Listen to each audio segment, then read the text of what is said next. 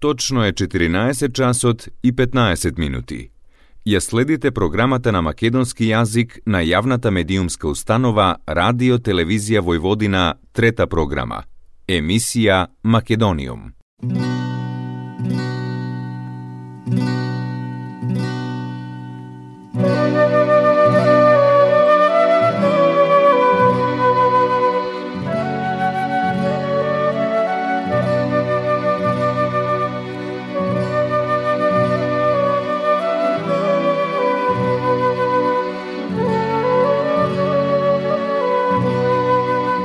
Македониум.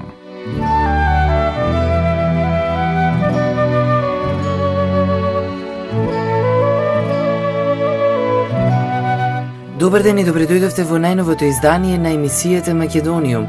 Со вас, почитувани слушатели, е вашиот уредник и водител Јулијана Милутиновиќ, секоја среда со почеток во 14 часот и 15 минути на фреквенцијата на третата програма на радиото при Радио Телевизија Војводина.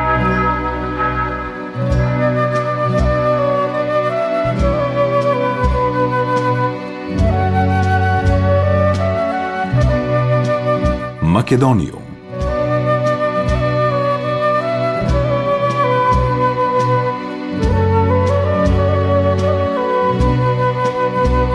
Свети Никола е голем македонски празник, а како слава го има речиси секое второ православно семејство. Трпезата е посна, а Свети Никола меѓу другото се смета за заштитник на морињата.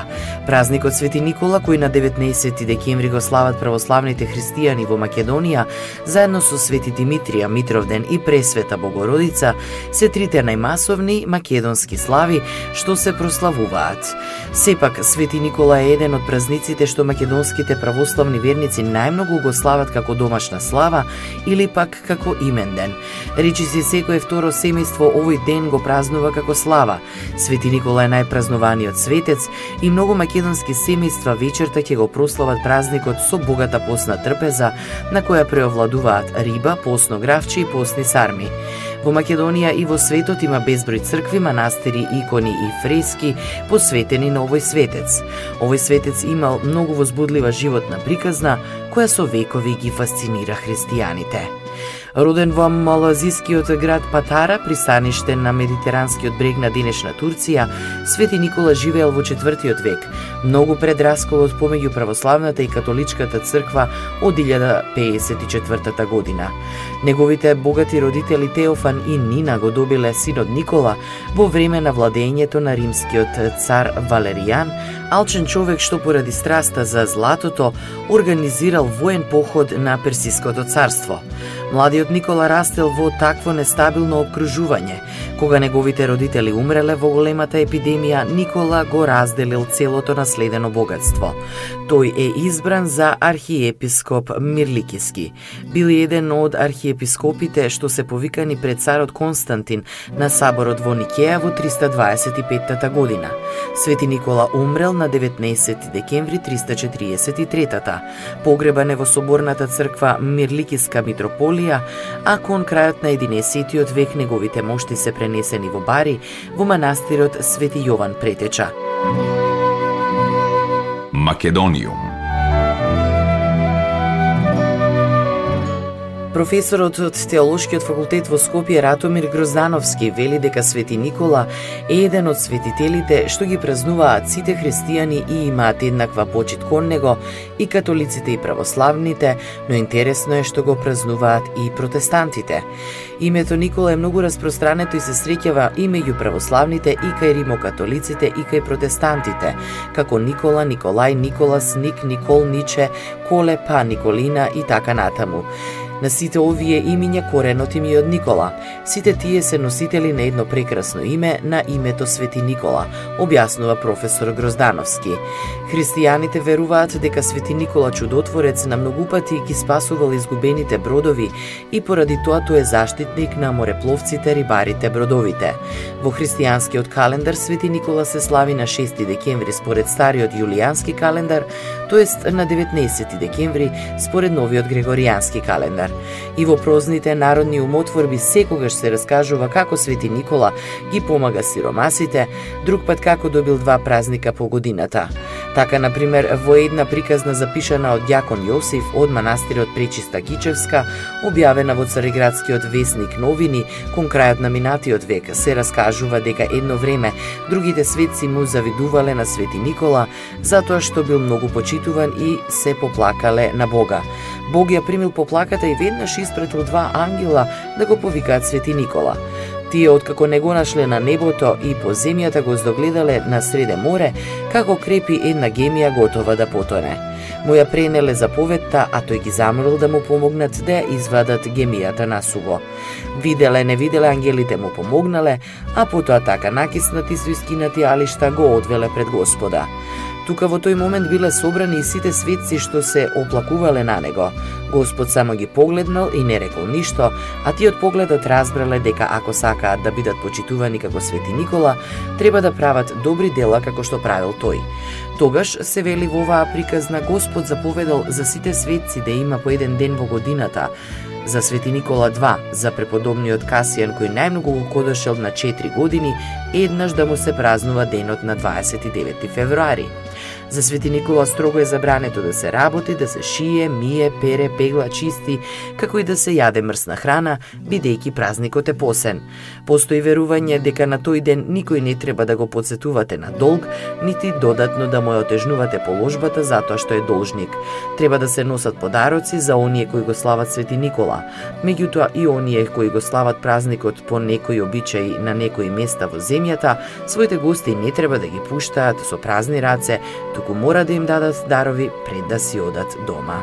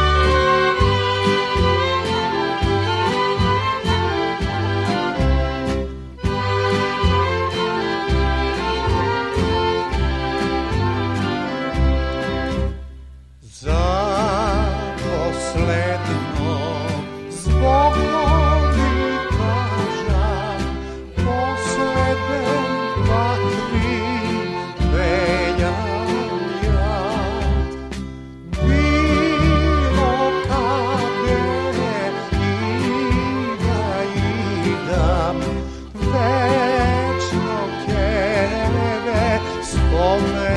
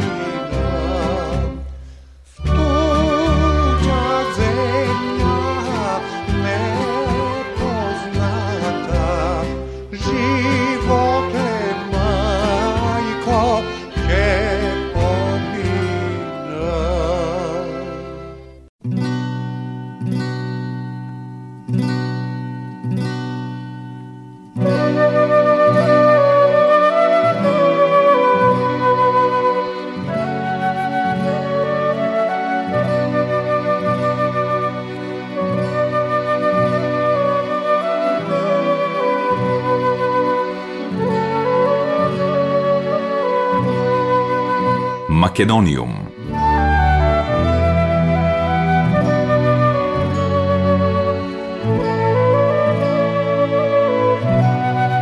Последниот компакт диск на кој македонскиот пианист Симон Трпчески заедно со Јаначек, филхармонискиот оркестар од чешкиот град Острава и прославениот диригент Кристијан Мачелару од Романија изведуваат програма со дела од Шостаковиќ е меѓу трите проекти номинирани во категоријата разновидна програма на меѓународните награди за класична музика International Classic Music Awards.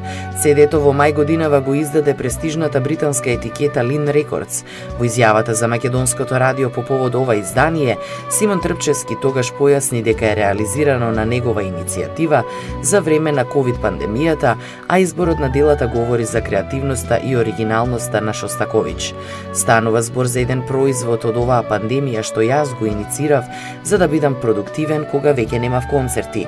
Заедно со Лин Рекордс, Јаначек филхармонискиот оркестар од Острава и романскиот диригент Кристијан Мачелару, кој е шеф диригент на Националниот оркестар на Франција, како и првиот трубач на овој оркестар Андреј Кавалински од Белорусија, на моја иницијатива успеавме да организираме снимање на двата пијано концерти на Дмитри Шостаковиќ, како и на второто трио за виолина, виолончело и пијано со моите драги колеги од проектот Македонисимо, Александар Краповски и Александар Сомов. Овој избор е еден опис на различните творечки периоди од животот на Шостакович, а кои сведочат за неговата креативност и оригиналност, рече тогаш Симон Трпчевски. Во три етапи жирито ги соопшти номинираните во секоја 16 категории за влез во салата на славните на меѓународните награди за класична музика за 2022. Имињата на добитниците на наградините ќе бидат соопштени на 18 јануари, а признанијата на лауреатите ќе им бидат врачени на свеченоста во Луксембуршката филхармонија на 21 април следната година.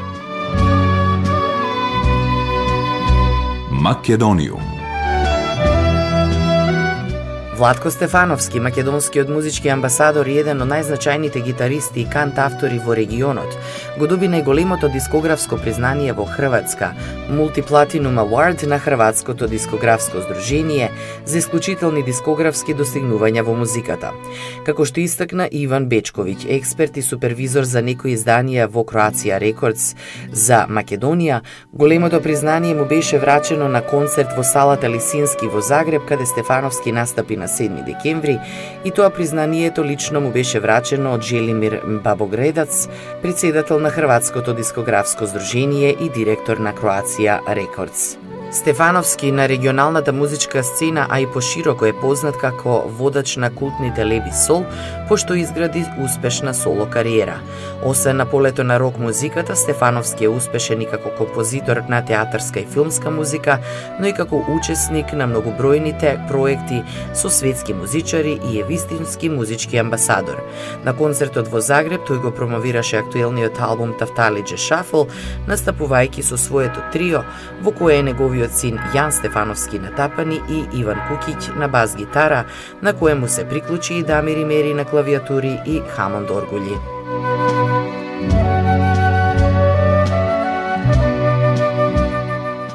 Македониум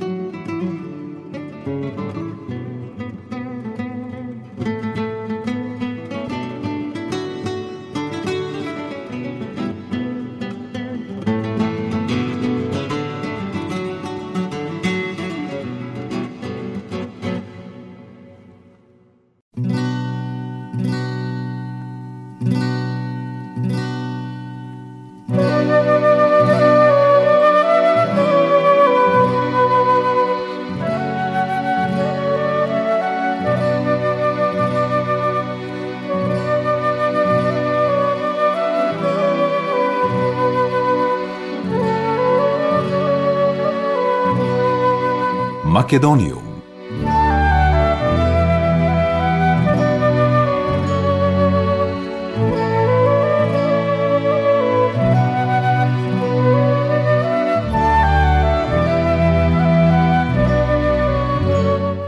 На вчерашната седница владата во Република Северна Македонија го утврди текстот на договорот за услови за интерконекција на шеми за електронска идентификација на граѓаните од Западен Балкан кој има за цел да им овозможи на граѓаните на Северна Македонија, Албанија и Србија пристап до електронските услуги и националните портали на овие земји преку креирање на електронска идентификација Отворен Балкан, остварување на можноста за пристап до пазарот на труд во трите земји. На оваа седница е утврден текстот на договорот за услови за слободен пристап до пазарот на трудот во Западен Балкан, кој кога ќе биде ратификуван од Северна Македонија, Албанија и Србија, ќе им овозможи на граѓаните од овие три земји слободно да се движат и да работат во секоја од нив, соопштуваат од владата. Договорот за услови за слободен пристап до пазарот на трудот во Западен Балкан е резултат на иницијативата Отворен Балкан за поедноставување на процедурите за еднаков пристап до пазарот на трудот во регионот по примерот на Европската Унија, со што се прави чекор повеќе кон прифаќање на вредностите и практиките во Европската Унија.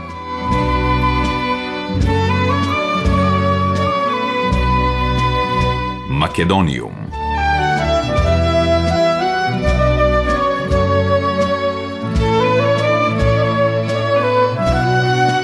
Земјите членки на Европската Унија на вчерашното заседание на Советот за обшти работи ГАК не постигнаа договор за одржување на првите меѓувладени конференции со Македонија и Албанија до крајот на оваа година и покрај јавно изнесените надежи на словенечкото председателство за старт на преговорите со двете земји годинава.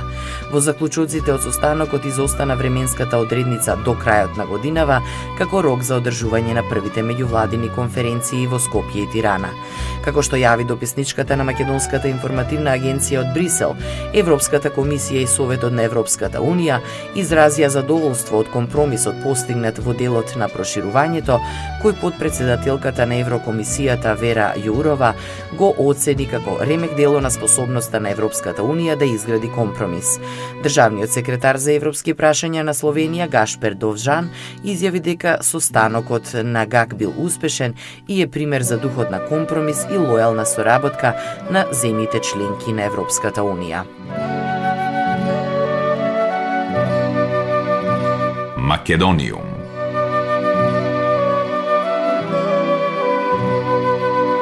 Почитувани слушатели, тоа беше се во денешното издание на емисијата Македониум. До следната среда во исто време, срдечен и голем поздрав од вашиот уредник и водител Јулијана Милутиновиќ. Ја следевте програмата на македонски јазик, емисија Македониум. Главен и одговорен уредник Воин Поповиќ.